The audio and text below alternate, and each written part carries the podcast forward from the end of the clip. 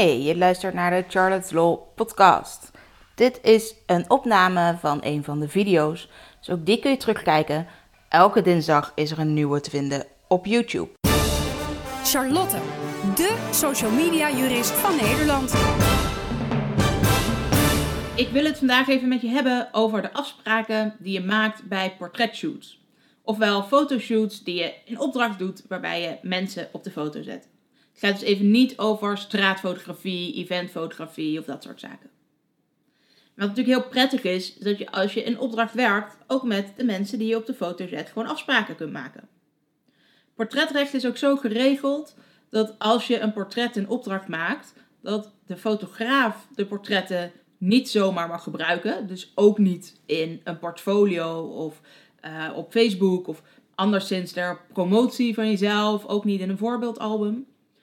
Maar dat in principe de geportretteerde, ondanks dat hij misschien wel de bestanden heeft gekregen, ook niet zomaar die foto's mag publiceren. Dat betekent dus dat het heel erg belangrijk is om goede afspraken te maken. Nou, wat voor afspraken maak je dan? Nou, onder andere natuurlijk wie er wat met de foto's mag doen. Dus de fotograaf is de auteursrechthebbende, maar door het portretrecht mag hij niet zomaar alles met de foto's doen. Dus spreek je onderling af waar de fotograaf ook de foto's voor mag gebruiken. Bijvoorbeeld wel voor portfolio op de website, misschien ook wel voor visitekaartjes en flyers, um, misschien ook wel op social media, wat natuurlijk wel extra belangrijk is omdat het daar door deelknoppen nog verder verspreid kan worden. Dus dat moet je echt wel apart afspreken. Ja, dus bij al het soorten gebruik moet je eigenlijk goed omschrijven. Als je namelijk alleen maar zou zeggen: ik mag het online gebruiken, wat valt er dan allemaal onder online? En vallen bijvoorbeeld nieuwe social media kanalen daar ook wel onder? Er was bijvoorbeeld veel ophef over het social media kanaal Vero. Nou, valt dat er dan onder of niet? Spreek dat dus allemaal zo specifiek mogelijk af. Probeer zoveel mogelijk woorden als commercieel gebruik te vermijden. Want wanneer is iets nou commercieel?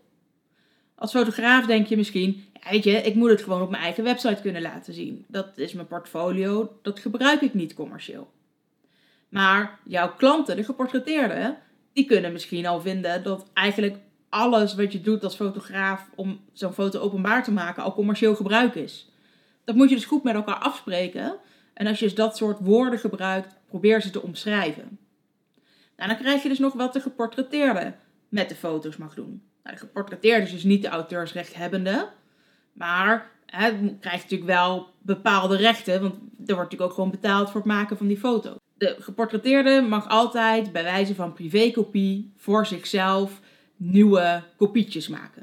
En die mogen misschien ook nog wel even uh, aan papa, mama, opa en oma gegeven worden, uh, maar het mag niet opeens ook op Facebook verschijnen. Voor dat soort openbaarmakingen heeft de geportretteerde weer toestemming nodig van de fotograaf. Probeer dat dus ook zo duidelijk mogelijk te maken.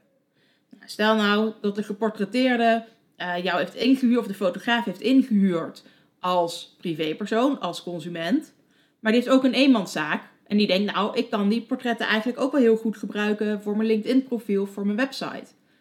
Is dat dan commercieel gebruik of niet? Dus probeer dat zo goed mogelijk af te stemmen. De ene fotograaf vindt het prima dat foto's ook als profielfoto op LinkedIn worden gebruikt. Maar andere fotografen zeggen nee, dat vind ik bedrijfsmatig gebruik. Daar zou extra voor betaald moeten worden. Probeer daarom ook hierover zo specifiek mogelijk te zijn. Dus vooral hebben de geportretteerde toestemming nodig om openbaar te mogen maken. Nou is het wel zo dat portretten uh, in principe zonder toestemming van de fotograaf in tijdschriften of nieuwsbladen gepubliceerd mogen worden, als daar dan maar de naam van de fotograaf bij komt te staan. Dat is uiteindelijk de verantwoordelijkheid van zo'n krant of tijdschrift. Het is natuurlijk wel handiger om met zo'n geportretteerde eventueel af te spreken dat hij dit doorgeeft aan zo'n krant of tijdschrift. Dat maakt de kans gewoon groter dat de naam er werkelijk bij komt te staan. Kortom, wat moet je afspreken? Wat is het belangrijkste? Waar mag het openbaar gemaakt worden? Door wie? Uh, mag het bewerkt worden of niet?